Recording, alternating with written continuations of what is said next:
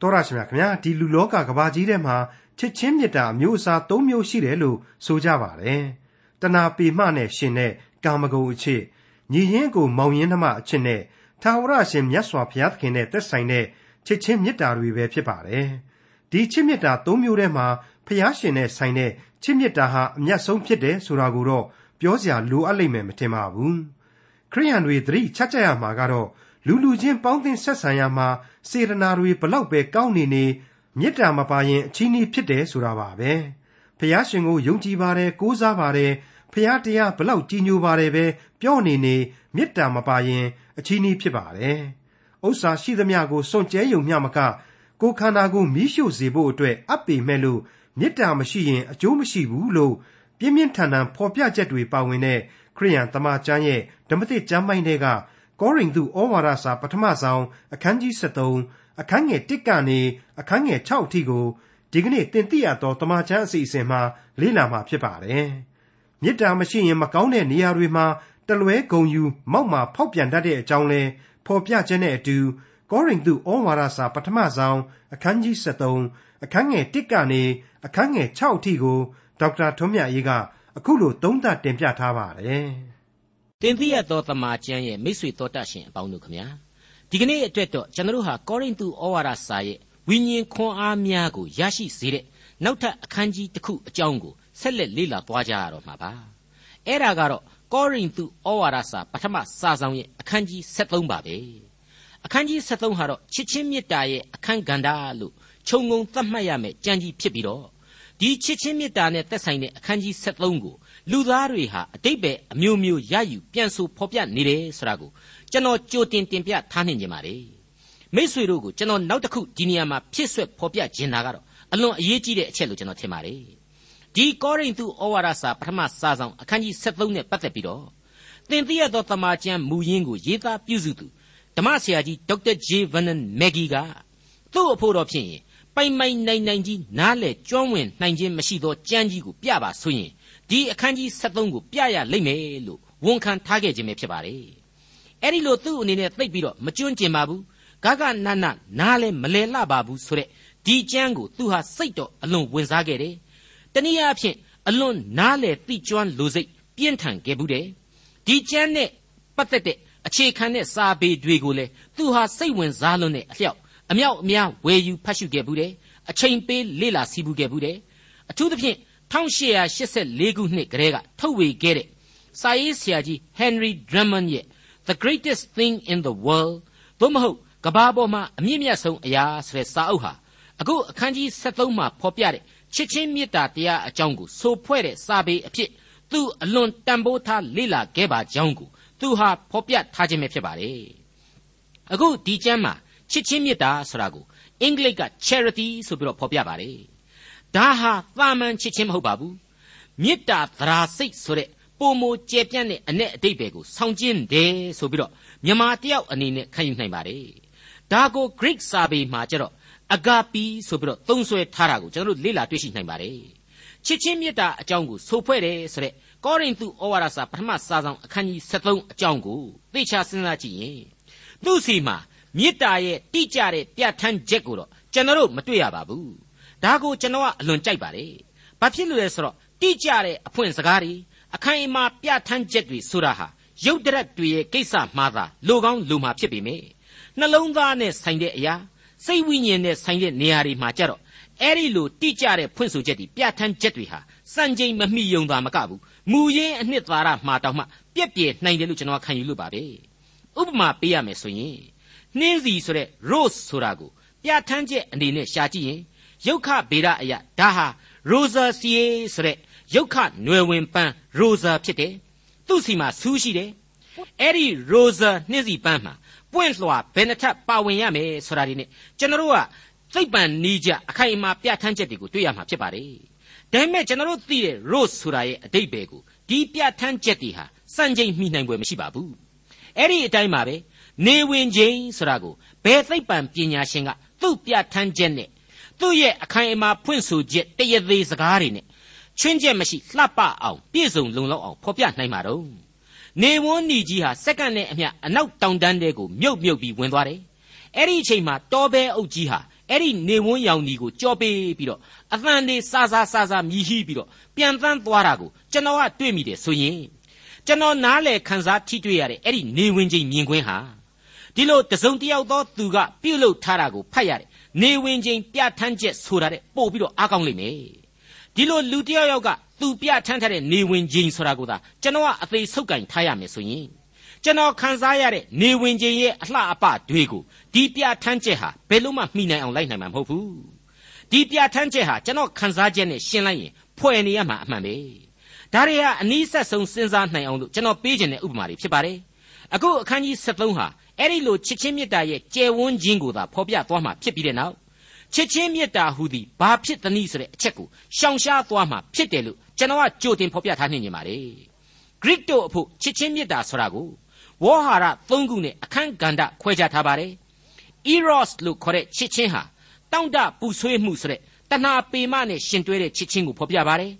အဲ့ဒီ Eros ဆိုတဲ့အချစ်ဟာကောရိန္သုနဲ့အခြား Greek မြို့ကြီးတွေက Venus Aphrodite နဲ့ Cupid လို့ခေါ်တဲ့မြားနတ်မောင်တို့ပါဝင်တဲ့အသွေးအသားအချစ်ရဲ့သဘောတဘာဝကိုဖော်ကျူးနေပါတယ်အခုကျွန်တော်တို့ခေတ်စကားနဲ့ပြောရမယ်ဆိုရင်တော့အဲ့ဒီ Eros ဆိုတဲ့ချစ်ချင်းဟာတခြားမဟုတ်ဘူး sex သို့မဟုတ်ကာမဂုဏ်အချစ်မျိုးသာဖြစ်တယ်ဒါကိုနှုတ်ကပတ်တော်ဓမ္မသစ်ကျမ်းဘယ်နေရာမှမတွေ့ရဘူးလို့ကျွန်တော်အခိုင်အမာတင်ပြခြင်းပါတယ်နောက်ထပ်အချက်တစ်ခုကတော့ filio လို့ခေါ်တဲ့စောစောကအချစ်မျိုးတဲ့ပုံမအဆင့်မြင့်မြတ်တဲ့အချစ်မျိုးဖြစ်လာပါတယ်အဲ့ဒါကို Philadelphia မြို့ကြီးတို့ philanthropist လို့ခေါ်တဲ့စေရနာသရာတရားထက်သန်သူတို့ဆိုတဲ့အတိတ်ဘယ်တွေကိုဆင့်ကဲပေါ်ထွက်စေတဲ့ချစ်ချင်းဖြစ်ပါတယ်။ညီရင်အကိုမောင်ရင်နှမများပမာကြီးစွာသောမေတ္တာဆိုတာကိုကိုစားပြုထားပါတယ်။နောက်ဆုံးပိတ်အချစ်နဲ့ပတ်သက်တဲ့ Greek ဝေါ်ဟာရကတော့ agapeo ပဲဖြစ်ပါတယ်။ဖျားသခင်နှင့်ဆိုင်သောအချစ်ဖြစ်လို့အမြင့်မြတ်ဆုံးသောအချစ်ဖြစ်ပါတယ်။လူစိတ်လှုပ်ရှားမှုနဲ့တိုင်းတာလို့မမိနိုင်တဲ့ချစ်ချင်းစိတ်ဓာတ်အမှန်ကိုဖော်ပြပါတယ်။ အဲ့ဒီချစ်ချင်းကြတော့ပြဋ္ဌာန်းချက်တိုတိုကလေးနဲ့ဖော်ပြထားတဲ့ချစ်ချင်းဖြစ်ပါတယ် God is love ဆိုတဲ့ချစ်ချင်းပါပဲဒီတဲ့ရှင်းတာမရှိပါဘူးဖျားသခင်သည်ချစ်ချင်းမေတ္တာဖြစ်တော်မူ၏ဆိုတဲ့အချက်ပါပဲမိ쇠အပေါင်းတို့ခမညာ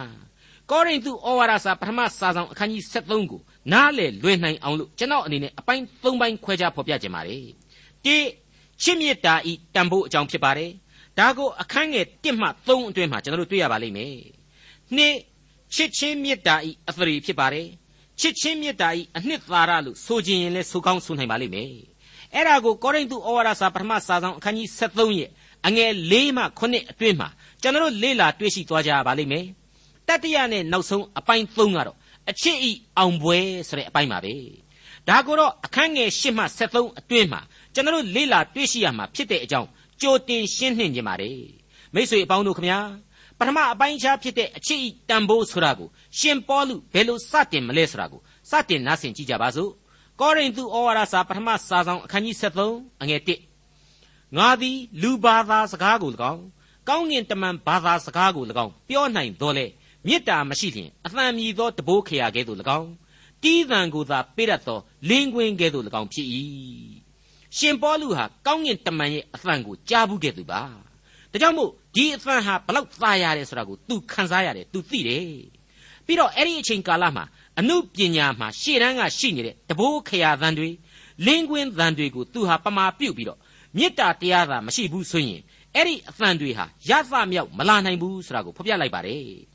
မိษွေတို့ကျွန်တော်တို့ဟာနေ့စဉ်မိသားစုအတွင်းမှာပဲဖြစ်ဖြစ်အလောက်ခွင်များမှာပဲဖြစ်ဖြစ်လူအချင်းချင်းစကားပြောဆိုဆက်ဆံကြရပါတယ်အသံနေအသံဓားများအရာ လူတယောက်ရဲ့အတွင်းစိတ်သဘောဟာကိုယ့်အပေါ်မှာဘယ်လိုရှိနေတယ်ဆိုတာကိုမသိစိတ်မှာပင်လျင်နားလေနှိုင်လောက်တယ်လို့ကျွန်တော်ယူဆပါတယ်အခုရှင်ပေါလုဖော်ပြလိုက်တဲ့မေတ္တာကတော့နှလုံးသားမှလာသောမေတ္တာလို့ဆိုနိုင်မယ်ထင်ပါတယ်အငယ်နှစ်ပရောဖက်ညံကိုငါရ၍နက်နဲသောအရာရှိသမျှတို့နှင့်သိပ္ပံအတတ်အမျိုးမျိုးကိုတတ်တော်၎င်းတောင်များကိုရွှေ့နိုင်သောယုံကြည်ခြင်းအမျိုးမျိုးနှင့်ပြည့်စုံတော်၎င်းမေတ္တာမရှိလျင်အချီးနှီးသက်သက်ဖြစ်၏ ပထမပိုင်းဖော်ပြခဲ့တဲ့မေတ္တာဟာနှလုံးသားကလာတဲ့မေတ္တာအခုမေတ္တာကြတော့စိတ်အစဉ်ကစီးဆင်းတဲ့မေတ္တာစမ်းကြောင်းပဲဟုတ်ပါတယ်စိတ်ရဲ့စွမ်းအားလို့ဆိုနိုင်တဲ့အတွေ့အခေါ်တွေယုံကြည်ဆွဲလန်းမှုတွေအသိတရားတွေသိပ္ပံတွေဘလောက်ပဲတတ်နေပါစေမေတ္တာမရှိရင်အချီးနှီးသက်သက်သာဖြစ်တယ်ဆိုတာကိုဒုတိယအချက်အနေနဲ့ရှင်ပေါလုဖော်ပြလိုက်ခြင်းဖြစ်ပါတယ်မိษွေအပေါင်းတို့တောင်တွေကိုသင်ပြူးခင်းပြီးတော့တိုက်ဆောက်တဲ့ခေတ် ကုန်းမြေတွေကိုတူးပြီးတော့ပင်လယ်ရေပေါ်မှာကုန်းဖော်ပြီးတော့မြေယာချဲ့တဲ့ခေတ်အင်္ဂါကြိုကိုခြေလှမ်းပြိုးနေတဲ့ခေတ်ကိုကျွန်တော်တို့ရောက်ရှိနေပါပြီလူသားတွေရဲ့အတတ်ပညာတွေဟာမဆုံးဆနိုင်အခေါင်တိုင်းလို့တောင်မှဆိုကြရတဲ့ယာစုနှစ်ယာစုခေတ်ဖြစ်ပါတယ်အဲ့ဒီတိုးတက်သောလူပေါင်းမှာမေတ္တာတရားဟာလုံခြုံစွာရှိနေပါရဲ့လားဖျားသခင်ပေးခဲ့တဲ့ကျေးဇူးတော်အလုံးစုံကိုဘလောက်ရရကျွန်တော်ရဲ့နှလုံးသားကျွန်တော်ရဲ့စိတ်အစဉ်မှာမေတ္တာမရှိဘူးဆိုရင်တော့ အချီနှီးသက်သက်သဲလို့ဒီကျမ်းဟာရှင်းရှင်းကြီးဖော်ပြလိုက်ပါတယ်အငယ်၃သူတစ်ပါးကိုငါကြွေးမွေး၍ဥစ္စာရှိသမျှကိုစွန့်ကြဲသည်သာမကကိုခန္ဓာကိုမိရှုစေခြင်းဟာအပ်တော်လေမေတ္တာမရှိရင်ငါ၌အကျိုးမရှိနှလုံးသားမှမေတ္တာစိတ်အစဉ်မှတည်သောမေတ္တာတွေပြီးတဲ့အခါကျတော့အခုအခါမှာမေတ္တာဆန္ဒဆိုတဲ့အပိုင်းကိုမသိမသာကူးတန်းသွားပါတယ်ဘယ်နည်းနဲ့မှကြင့်ယူစရာမလိုမွေးယူစရာမလိုတဲ့ကိုပိုင်မေတ္တာပဲဆိုပါတော့ အခုကျမ်းမှာရှင်ပေါလုဆိုပြလိုက်တာကတော့စေရနာတွေဘလောက်ကောင်းပါတယ်ပဲပြောနေပြီမေတ္တာအရင်ကမရှိရင်တော့အချီးနှီးပဲဖြစ်ပြန်တယ်ဆိုတဲ့အချက်ပါပဲအဲ့ဒီလိုကျွန်တော်ကမေတ္တာရဲ့အခန်းကဏ္ဍတွေကိုခွဲခြမ်းစိတ်ဖြာပြီးတော့ပြောနေတဲ့အခါကျတော့ရှုပ်ထွေးမှုတွေများဖြစ်နေမလားလို့ကျွန်တော်တွေးမိပါတယ်အမှန်တော့အလုံးတစုတဝေးတဲ့ပေါင်းစုသုံးသပ်လိုက်ရင်မေတ္တာဆရာဟာနှလုံးသားစိတ်အစဉ်နဲ့ကိုယ်ပိုင်ဆိုပြီးတော့အလုံးပေါင်းစုနိုင်သောအရာဆိုပြီးတော့ကျွန်တော်တို့သဘောပေါက်လာရပါတယ် အဲ့ဒီအခြေခံအချက်တွေပေါ်မှာမှမေတ္တာစိတ်ဆိုတာဟာဘုရားသခင်ရဲ့တန်ရှင်းသောဝိညာဉ်တော်ရဲ့အသီးအပွင့်တစ်ခုအဖြစ်အတိတ်ပဲပေါ်လာပြီးတဲ့နောက်အဲ့ဒီမေတ္တာတရားဆိုတာဟာပြီးခဲ့တဲ့အခန်းကြီး7ရဲ့နောက်ဆုံးဖော်ပြချက်နဲ့အလိုအလျောက်ဆက်နွယ်သွားရပါတော့တယ်ဟုတ်ပါတယ်အခန်းကြီး7ရဲ့ဏိဂုံးအချက်ကိုပြန်ပြီးတော့နားဆင်ကြည့်ကြပါသင်တို့သည်အမျက်ဆုံးသောဆုကျေးဇူးတော်ကိုအလိုရှိကြသည်တွင်သာ၍မြတ်သောလမ်းကိုငါပြဦးမည်ဆိုတဲ့အချက်ပါပဲ ကျွန်တော်ကဒါကြောင့်မလို့အဲ့ဒီအခန်းကြီး7ဏိဂုံးသင်ခန်းစာမှာကလေးကကျွန်တော်ဟာရှေ့လျှောက်ပြီးတော့ရှင်ပေါလုရဲ့ရှင်းလင်းဖွင့်ဆိုချက်တည်အမျက်ဆုံးသောသူကျေးဇူးတော်နဲ့ပတ်သက်တဲ့မြတ်သောလမ်းများကိုရှင်ပေါလုဟာရှေ့မှာဆက်ပြီးတော့ပြအောင်မယ်ဆိုတာကိုဖော်ပြခဲ့ပါတယ်အခုပြောခဲ့တဲ့အတိုင်းရောက်ရှိလာပါပြီအခုတမန်တော်ကြီးရှင်ပေါလုဖော်ပြလိုက်တာကတော့ဖျားသခင်ပေးတော်မူသောကျေးဇူးတော်မြတ်များကိုကျင့်သုံးရမှာမေတ္တာဆိုတဲ့အနှစ်သာရပါဝင်ရမယ်အဲ့ဒီလိုမေတ္တာအနှစ်သာရရှိတဲ့လူဘဝကိုတော့ တန်ရှင်းသောဝိညာဉ်တော်ကသာလမ်းပြဥဆောင်ရမယ်ဆိုတဲ့အချက်တည်းနားလေလောက်အောင်ရှင်းရှင်းကြီးပေါ်ထွက်လာပါတယ်မိတ်ဆွေအပေါင်းတို့ခမညာအခုဖော်ပြခဲ့တဲ့မေတ္တာတရားရဲ့သဘောတရားတွေကိုပြန်ကြည့်လိုက်ရင်မေတ္တာမပါဝင်တဲ့အောက်ပါအချက်တွေကိုအဖြစ်အဖြစ်မြင်လာရပါလိမ့်မယ်တိဘာသာစကားအမျိုးမျိုးကိုပြောတတ်စေကမူနှစ်ဉာဏ်အမျိုးမျိုးနှင့်ယုံကြည်ခြင်းအမျိုးမျိုးရှိစေကမူသုံးအခြားအခြားသောစေတနာများညီမျှပင် ကြီးမားစွာရှိနေစေကမူအဲ့ဒီအချက်ကြီးပေါ်ထွက်လာပါတယ်အဲ့ဒီတော့အသေးစိတ်လိုက်မယ်ဆိုရင်မေတ္တာမပါဝင်သောသုံညပေါင်းများစွာတို့ပေါင်းလိုက်ရင်သုံညသာဖြစ်မယ်အဲ့ဒီထက်မှမေတ္တာဆိုတဲ့ကဏ္ဍကလေးတစ်လုံးကိုရှေ့ကထည့်လိုက်တဲ့အခါမှာတော့အဲ့ဒီသုံညတွေအကုန်လုံးဟာသိမ့်သန်းဂရေဂရာတန်ဖိုးများစွာကိုဖြစ်ပွားသွားစေမယ်ဆိုတာကိုချက်ချင်းပဲကျွန်တော်တို့မြင်လာရပါတယ်မိတ်ဆွေအပေါင်းတို့ခမညာ ကောရိန္သုအသင်းတော်ဟာဖြင့်ယုံကြည်ခြင်းစံမမီသည့်တိုင်အောင်ယုံကြည်ခြင်းတွေရှိနေပါလိမ့်မယ် Greek သိပ္ပံအတတ်ပညာတွေထွန်းကားတဲ့အသင်းတော်လည်းဖြစ်ကောင်းဖြစ်ပါလိမ့်မယ်ပိုက်ဆံရှိတဲ့လူတွေပါဝင်တဲ့အတွက်ရွှေချောင်းပြောင်ပြောင်လှူနိုင်သူတွေလည်းရှိနေပါလိမ့်မယ်အဲ့ဒီအထဲမှာမှရှင်ပေါလုရဲ့နောက်ကိုတကောက်ကောက်လိုက်ပြီးတော့သေတဲ့တိုင်အောင်ခရစ်တော်ရဲ့အမှုတော်ကိုဆောင်ဖို့ကမ်းလှမ်းတဲ့သူတွေလည်းရှိကောင်းရှိလိမ့်မယ်လို့ကျွန်တော်ယုံကြည်ပါတယ်ဒါပေမဲ့ဒီအသင်းတော်ကြီးစီမှာမေတ္တာတရားဟာအလွန်အားနည်းနေတယ် လျော့ပါနေတယ်ဘာဖြစ်လို့လဲဆိုရင်တန်ရှင်းသောဝိညာဉ်တော်ရဲ့ဥဆောင်မှုကိုမခံယူနိုင်တဲ့လူသားတွေနဲ့ဒီအသင်းတော်ဟာပြည့်နဲ့နေသေးလို့ဖြစ်မယ်လို့ကျွန်တော်အဖြေထုတ်မိပါတယ်ဒါကြောင့်မလို့အဲ့ဒီလိုသူတို့လိုအပ်နေတဲ့ချစ်ချင်းမေတ္တာရဲ့အကြောင်းကိုရှင်ပေါလုဟာဒုတိယဂန္ဓအဖြစ်ချစ်ချင်းမေတ္တာရဲ့အသရေအကြောင်းကိုအခုလိုဆက်လက်ဖော်ပြလိုက်ပါတယ်ကောရိန္သုဩဝါဒစာပထမစာဆောင်အခန်းကြီး73အငယ်၄မေတ္တာသည်စိတ်ရှည်တတ်၏ကျေးဇူးပြုတတ်၏မေတ္တာသည်ဂုံပြိုင်ခြင်းမရှိ ဝါကြွားခြင်းမရှိမာမာနမရှိအင်္ဂလိပ်လိုကတော့ love suffers long ဆိုတဲ့စကားရှိပါတယ်ချစ်ချင်းမေတ္တာဟာအလွန်စိတ်ရှည်တယ်ခံနိုင်ရည်ရှိတယ်တဲ့တနည်းအားဖြင့်ကတော့ကျင်နာခြင်းပဲကျင်နာခြင်းမရှိတဲ့အချစ်ဆိုတာဟာတကယ်တော့ပူပြင်းတဲ့ຫນွေကာလမှာပွင့်နဲ့ပန်းများလို့ပဲကျွန်တော်ကတင်စားခြင်းပါတယ်တိတက်ပို့ပြီးဖွဲ့ဆိုရမယ်ဆိုရင်တော့ဘာအနှစ်သာရမှမပါဝင်တဲ့လင်္ကာတစ်ခုပဲလို့လည်းဆိုခြင်းဆိုလို့ရတယ် ဒါနဲ့ပတ်သက်လို့ရှင်ပေါလုကိုယ်တိုင်အေဖက်အသင်းတော်ကိုဆုံးမခဲ့တဲ့ဩဝါဒစာမှာအခန်းကြီး၄အငယ်32အရာကျွန်တော်တို့အခုလိုတွေ့နိုင်ပါတယ်အချင်းချင်းကျေးဇူးပြုခြင်းတနာစုံမဲ့ခြင်းဖျားသခင်သည်ခရစ်တော်ကြောင့်သင်တို့အပြစ်ကိုလွတ်တော်မူတဲ့ကဲ့သို့အပြစ်လွတ်ခြင်းရှိကြလောဆိုတဲ့အချက်ပါဒီတော့ချစ်ချင်းမေတ္တာပါဝင်တဲ့အသက်တာဟာလူရဲ့ဇာတိအသွေးအသားကလာတာစိတ်ကူးစိတ်သန်းကလာတာဆိုရင်တော့မလုံလောက်တဲ့မေတ္တာအဆင့်မှသာရှိလိမ့်မယ် ခရစ်တော်၌တည်သောမေတ္တာတန်ရှင်းသောဝိညာဉ်တော်အဖျင်ရရှိသောချစ်ချင်းမေတ္တာဖြစ်ကိုဖြစ်ဖို့လိုတယ်ဆိုတာကိုရှင်ပေါလုဒီနေရာမှာရှင်းရှင်းကြီးဖော်ပြလိုက်တာပါပဲမေတ္တာသည်ဂုံပြိုင်ခြင်းမရှိဆိုတာကိုကျွန်တော်အလွန်မျက်နှိုးစွာလက်ခံမိပါတယ်အင်္ဂလိပ်ကတော့ charity envieth not ဆိုပြီးတော့ဖော်ပြပါတယ်အလွန်အဆင့်မြင့်တဲ့ဖော်ကျူးချက်ပါဝန်တိုမစ္စရာစိတ်အရှင်းမရှိဆိုတဲ့အချက်ပါပဲမိษွေတို့ကြီးခေတ်ကာလရဲ့မြင်ကွင်းကျယ်ကြီးထဲမှာကြည့်လိုက်ရင်ချမ်းသာတဲ့လူတွေ ကားကြီးတိုက်ကြီးနဲ့ဂုံကြီးတွေကိုပိုင်ဆိုင်သူတွေအပေါ်မှာတချို့ဟာအလိုအလျောက်ဝန်တိုစိတ်တွေပွားများနေပါတယ်ဝန်တိုတယ်လို့ပါဇက်ကပြောမှဝန်တိုရရောက်တာမဟုတ်ပါဘူးအဲ့ဒီလိုလူတွေကိုအားကြပြီးတော့သူတို့တောင်တလောက်ချမ်းသာရင်ငါတို့ကဘာလို့မချမ်းသာနိုင်ရမှာလဲတိုက်မဆောက်နိုင်ရမှာလဲကားမစီးနိုင်ရမှာလဲဆိုပြီးတော့အတွေးဝင်လိုက်တာနဲ့တပြိုင်နက်ဒါဟာအလိုလိုကိုယ့်ရဲ့အားနည်းချက်ကိုထင်ရှားပေါ်လွင်သွားစေပါတယ်ကိုဟာသူတစ်ပါးအပေါ်မှာမလိုတမာဖြစ်နေပြီ misery ရစိတ်ရှိနေပြီဆိုတာကိုမြင်လာရစေတယ်လို့ကျွန်တော်ယူဆမိပါတယ်ဂုံပြိုင်တာပဲလို့ကျွန်တော်ခံယူမိပါတယ်ဒင်းတို့မဟုတ်တာလုပ်ပြီးတော့ချမ်းသာနေကြတာငါတို့ကတော့မချမ်းသာခြင်းရင်လေနေဆိုပြီးတွေးရင်လေဒါဟာကိုယ့်ကိုယ်ကိုအထင်ကြီးမှုသူတစ်ပါးအပေါ်မှာအပြစ်မြင်မှု misery ရစိတ်ဓာတ်တစ်မျိုးပဲလို့ကျွန်တော်အလေးနဲ့ယုံကြည်မိပါတယ်ဒါတွေကအလွန်ပူလောင်ပြင်းပြတဲ့လူရဲ့မာနစိတ်ဓာတ်တွေဖြစ်ပါတယ်အဲ့ဒီဝိသေသလက္ခဏာတွေရှိနေသည်ကာလပတ်လုံး ကိုဟာမေတ္တာတရားကိုရင်ဝယ်မပိုက်နိုင်သေးဘူးလို့သဘောထားကြရပါမယ်ကမ္ဘာသမိုင်းရဲ့ပထမဦးဆုံးသောလူသက်ကောင်ကြီးကာအိနာဟာညီငယ်ကလေးအာဘေလအပေါ်မှာအဲ့ဒီလိုဝန်တိုတဲ့စိတ်ကြောင့်တတ်ခဲ့ရတာပဲဆိုတာကိုတတ်ခဲ့မိတာပဲဆိုတာကိုကျွန်တော်မမေ့ထိုက်ပါဘူးဒီနေရာမှာဗတ္တိဇံဆရာယောဟန်ဆိုတဲ့ခရစ်တော်ရဲ့ရှေ့ပြေးစေတမန်ယောဟန်ပြသခဲ့တဲ့မေတ္တာတရားဟာအမခန်းလိလိရှိတယ်လို့ကျွန်တော်တွေးမိပါတယ်ခရစ်တော်ပေါ်ထွန်းလာတဲ့အချိန်မှာ စေတမန်ကြီးဗတ္တိဇံဆရာယောဟန်ရဲ့နောက်လိုက်တွေဟာခရစ်တော်ကသူတို့ဆရာယောဟန်တဲ့ပို့ပြီးတော့နောက်လိုက်တည်များလာတာကိုစိုးရိမ်ကြပါတယ်သူတို့ဆရာကိုဒီလိုမဖြစ်စေချင်တဲ့သဘောမျိုးတွန်းတွန်းတိုက်တိုက်ပြောလာခဲ့ကြပါတယ်ခရစ်တော်နဲ့အားပြိုင်ဖို့သဘောပေါ့အဲ့ဒီအချိန်မှာယောဟန်ပြောလိုက်တဲ့သမိုင်းဝင်မှတ်ချက်ကိုတော့ရှင်ယောဟန်ခရစ်ဝင်ကျမ်းအခန်းကြီး3အငယ်30မှာအခုလိုကျွန်တော်ပြန်ပြီးကိုးကားပြခြင်းပါတယ်ထိုသခင်သည်တိုးပွားခြင်းရှိရမည် ငါသည်ဆုတ်ယုတ်ခြင်းရှိရမည်ဆိုတဲ့အမခန်းလိလိရှိတဲ့အချက်ပါပဲအသေးဆွဲလောက်အောင်ထိမိစေတယ်လို့ကျွန်တော်အလေးနဲ့ဆိုလိုက်ပါရစေအဲ့ဒီရှင်ယောဟန်ခရစ်ဝင်ကျမ်းအခန်းကြီး27အငယ်22မှာခရစ်တော်ကနေပြီးတော့တမန်တော်ရှင်ပေတရုကိုအခုလိုမိန့်မာတော်မူခဲ့ပါတယ်အဲ့ဒီအချိန်ကတမန်တော်ရှင်ပေတရုဟာသူ့ရဲ့တခြားမိတ်ဆွေတွေကအထူးသဖြင့်ယောဟန်အစရှိတဲ့တပည့်တော်တွေကြတော့သခင်ကမခိုင်းမစေဘူးလားတာဝန်တွေမပေးဘူးလားဆိုတာမျိုးကိုလူသားပီပီတွေးတော့နေခဲ့မိပါတယ် ဝန်တိုစိတ်ကလေးအနည်းအကျင့်ပဲဖြစ်ဖြစ်သူ့ရဲ့ရင်ထဲမှာခိုးအောင်နေခဲ့မိပါတယ်တနည်းအားဖြင့်တော့သူတို့ကြတော့ကိုတော်ကမျက်နှာလိုက်ပြီးများထားမလားဆိုတဲ့သဘောဖြစ်ပါတယ်အဲ့ဒီအတွင်းစိတ်ကိုသိတဲ့သခင်ခရစ်တော်ဟာပေါလုကိုပြောလိုက်တဲ့အချက်ကတော့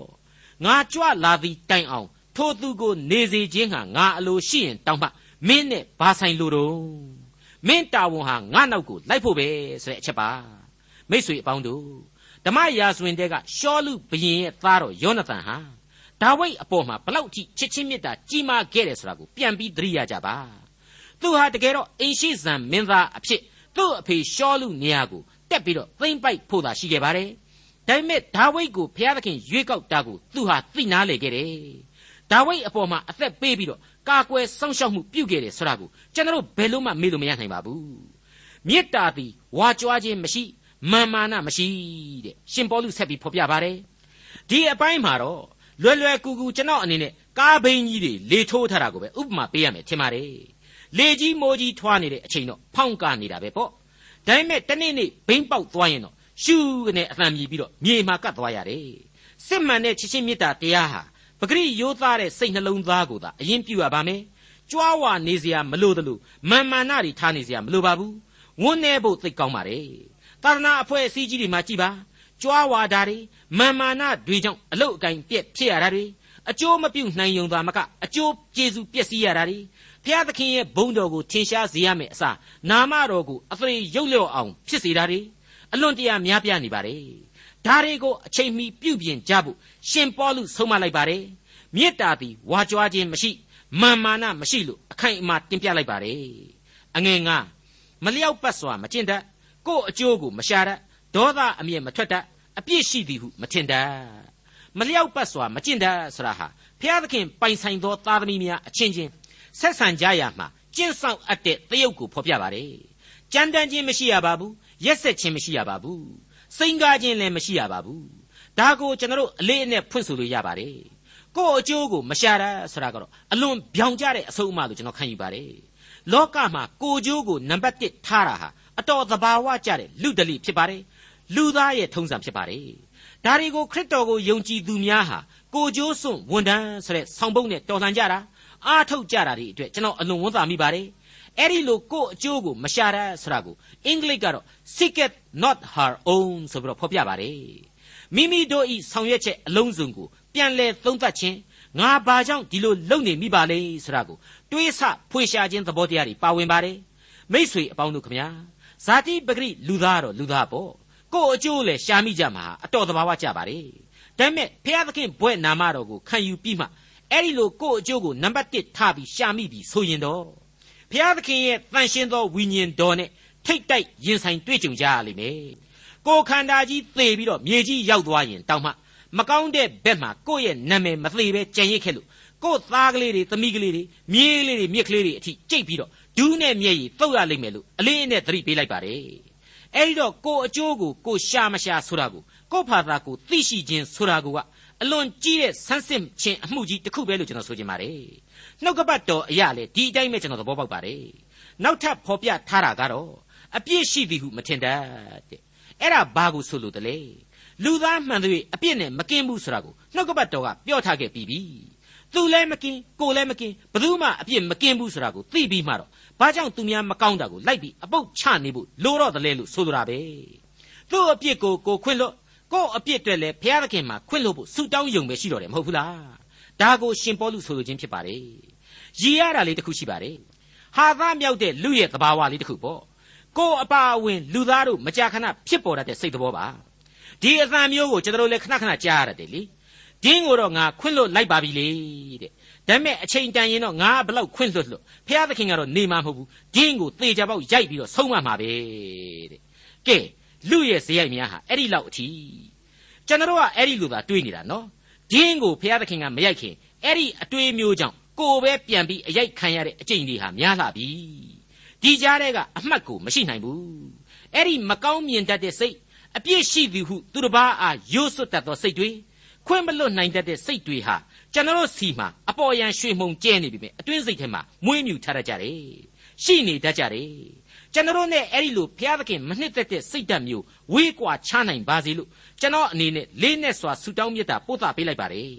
အငယ်6မတရားသောအမှု၌ဝမ်းမြောက်ခြင်းမရှိတတ်သမာတရား၌ဝမ်းမြောက်တတ်၏ကျွန်တော်ငငယ်လေးတုန်းကမေမျိုးသို့မဟုတ်ဒီကနေ့ပြင်ဦးလွင်ကကိုယ်ဂိတ်ကျောင်းမှာနေခဲ့ရတဲ့အချိန်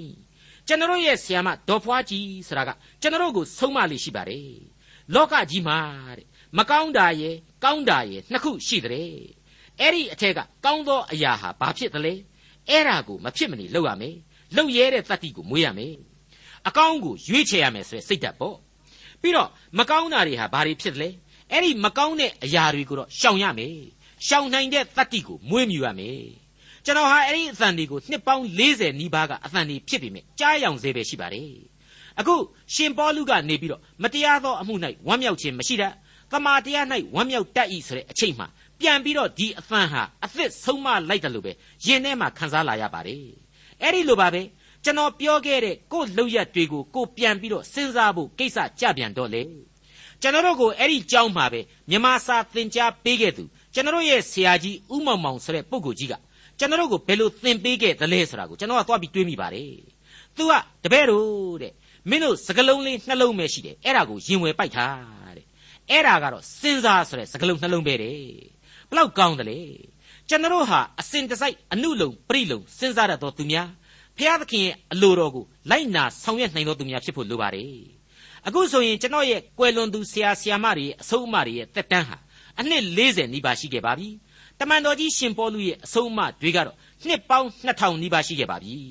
အခြေခံသဘောတရားတွေဟာတူညီမှုရှိနေပါပြီအကုန်လုံးဟာရှေးသန့်ရှင်သူများသာဖြစ်လို့ဘုရားသခင်ရဲ့ဗျာဒိတ်တော်တွေကိုကျွန်တော်တို့ခန်းစားရရှိခြင်းပဲလို့ကျွန်တော်ကတော့လေးနဲ့စွာခံယူမိပါတယ် မကောင်းသောအမှုအရာမှာဝါကြွားဝမ်းမြောက်တတ်တယ်ဆိုတာကိုတချို့ကပေါ့သေးသေးလေးတွက်ဆပြီးတော့ဒါလေးများกว่าဘလောက်ကောင်းတဲ့အဆုံးအမမှုလို့တော့ဘလောက်အရေးကြီးတဲ့အဆုံးအမမှုလို့တော့ဆိုပြီးတော့တွေးเสียရှိလိမ့်မယ်လို့ကျွန်တော်ယူဆပါတယ်အဆုံးအမကိုပြည့်ရပြုတဲ့သဘောအလေးအနက်မထားတဲ့သဘောပေါ့ တကယ်တော့အမှန်မှအလွန်အရေးကြီးပါတယ်လူသဘာဝထတရားနဲ့လေသိပ်ပြီးတော့နှိစက်တယ်လို့ကျွန်တော်ခံယူပါတယ်ကျွန်တော်ရှင်လုကာခရစ်ဝင်ကျမ်းမှာတုန်းကမတော်မတဲ့လှုပ်ပြီးကြီးပွားနေတဲ့တတိမတော်မတဲ့လှုပ်ပြီးတော့သူ့ကိုတပတ်ရိုက်ပြီးတော့စရင်တွေလိန်စားနေတဲ့တပည့်ကိုသူ့လိန်မှန်းသိရတဲ့တောင်မှဒီကောင်လေးမဆိုးဘူးဆိုပြီးတော့ချီးမွမ်းကမ်းဖွင့်တဲ့အကြောင်းနဲ့ပတ်သက်ပြီးတော့ရှင်းပြခဲ့ဘူးပါတယ်ဟုတ်ပါတယ်အဲ့ဒီလိုအလွန်အဆင့်နှိမ့်တဲ့လူရဲ့ဖြစ်ရတွေ့ဟာတကယ်ရှိနေတာပါကျွန်တော်ကိုယ်တိုင်လည်းကြားဘူးထားပါတယ် သားတယောက်ပွေတာတေးတာကိုဂုံယူမဆုံးတပြုံပြုံဖြစ်နေတဲ့လူပေါ့လူသွမ်းအဖေတယောက်ပါဇက်ကထွက်တဲ့စကားကျွန်တော်နားနဲ့ဆက်ဆက်ကြားဘူးလားတကယ်ချင်းတကယ်ချင်းငါသားလေးရတော့လေငါငယ်ငယ်ဒုံးကတဲ့သားတယ်กว่าတယ်အခုအသက်20တောင်မရှိသေးဘူးမိမနှစ်ယောက်ရှိနေပြီတဲ့လက်ကလည်းမြန်တဲ့နေမှာပြောမနေနဲ့သူနဲ့ရန်ဖြစ်တဲ့ကောင်တွေအကုန်နဖူးကွဲဒူးကွဲသွားကျိုးတဲ့ကောင်ကျိုးနဲ့အလွန်လှျင်တာတဲ့အသက်ဖြင့်20မရှိသေးဘူးအချုပ်သေးကိုရောက်တာလေအချိန်မောင်းကိုမကြည့်နိုင်တော့ဘူးတဲ့ ကိုသားမိုက်ကိုမိုက်တဲ့အတွက်ဂုံတောင်မှယူနေတယ်ဆိုးတာကိုပဲပျော်လို့မဆုံးတပြုံပြုံဖြစ်နေတယ်ဆိုတဲ့လူစရိုက်ဟာအင်မတန်အံ့ဩဖို့မကောင်းဘူးလားမိษွေအပေါင်းတို့အဲ့ဒီလိုအခြေအနေဆိုးတွေကြားမှာလူဘဝဟာအတိတ်နဲ့တစ်ဆက်တစ်ဆက်တီးတည်နေတယ်ဆိုတာကတော့အမှန်တရားပါပဲဒါကြောင့်လဲကယ်တင်ရှင်သခင်ခရစ်တော်ကိုသွေးရဲရဲတန်ရဲရဲတတ်တော်မဲ့အချိန်မှာယေရုရှလင်ကလူသူပြိဿအပေါင်းတို့ဟာခရစ်တော်ကိုဒရွေးနဲ့ထွေးခဲ့ကြတာပြောင်းလောင်သရော်ခဲ့ကြတာစူးဥယျစ်ကိုဆောင်းပေးခဲ့ကြတာ စတဲ့ယဉ်နှင်းပွဲဖြစ်ရသည်ကိုခရစ်ဝင်ကျမ်းနေမှာကျွန်တော်တို့တွေ့ကြရပြီဖြစ်ပါတယ်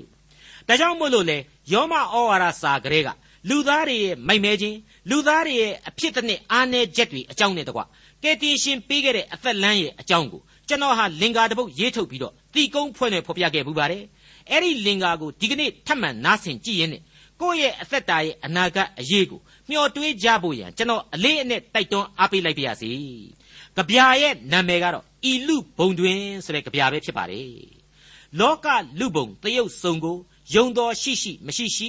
ပုံဖော်ရှုကြည့်ဆင်ခြင်ပြီးမြင်သည့်အဖြေဆန်းစစ်လေသောလူမြေရက်ကွန်ဘဝကျွန်းသည်ထွန်းတောက်လှပကိုဟန်ပြလေကာမရေဘွက်တခဲနဲ့နှင့်ယာကထွေလျက်ငရဲပြက်နှင့်မာနသွေဖြစ်အမဲဆက်နှင့်ပြက်သုံးကြရဂန္ဓာယာဟုခဏနှင့်ပင်ထိုးထွင်းမြင်၏သခင်ပေးရာဤသက်တာကို ဖျက်ရာဇာတိဘယ်သို့ရှိလဲသူ၏လက်တွင်ပုံအပ်နှင်းလျက်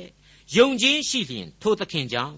အောင်မြင်ကြော်ဖြတ်ဘဝဇတ်ဟုထပ်ဆင့်ကျေးဇူးအထူးထူးကိုကြည်နူးခံစားရလိမ့်တကားဒေါက်တာထွန်းမြတ်ရေးစီစဉ်တင်ဆက်တဲ့တင်ပြတော်တမချန်းအစီအစဉ်ဖြစ်ပါတယ်နောက်တစ်ချိန်အစီအစဉ်မှာခရိယန်တမချန်းဓမ္မသစ်ကျမ်းပိုင်းတွေကကောရိန္သုဩဝါဒစာပထမဆုံးအခန်းကြီး73 အခန်းငယ်9ကနေအခန်းငယ်73အထိကို လေ့လာမှာဖြစ်တဲ့အတွက်စောင့်မျှော်နားဆင်နိုင်ပါတယ်။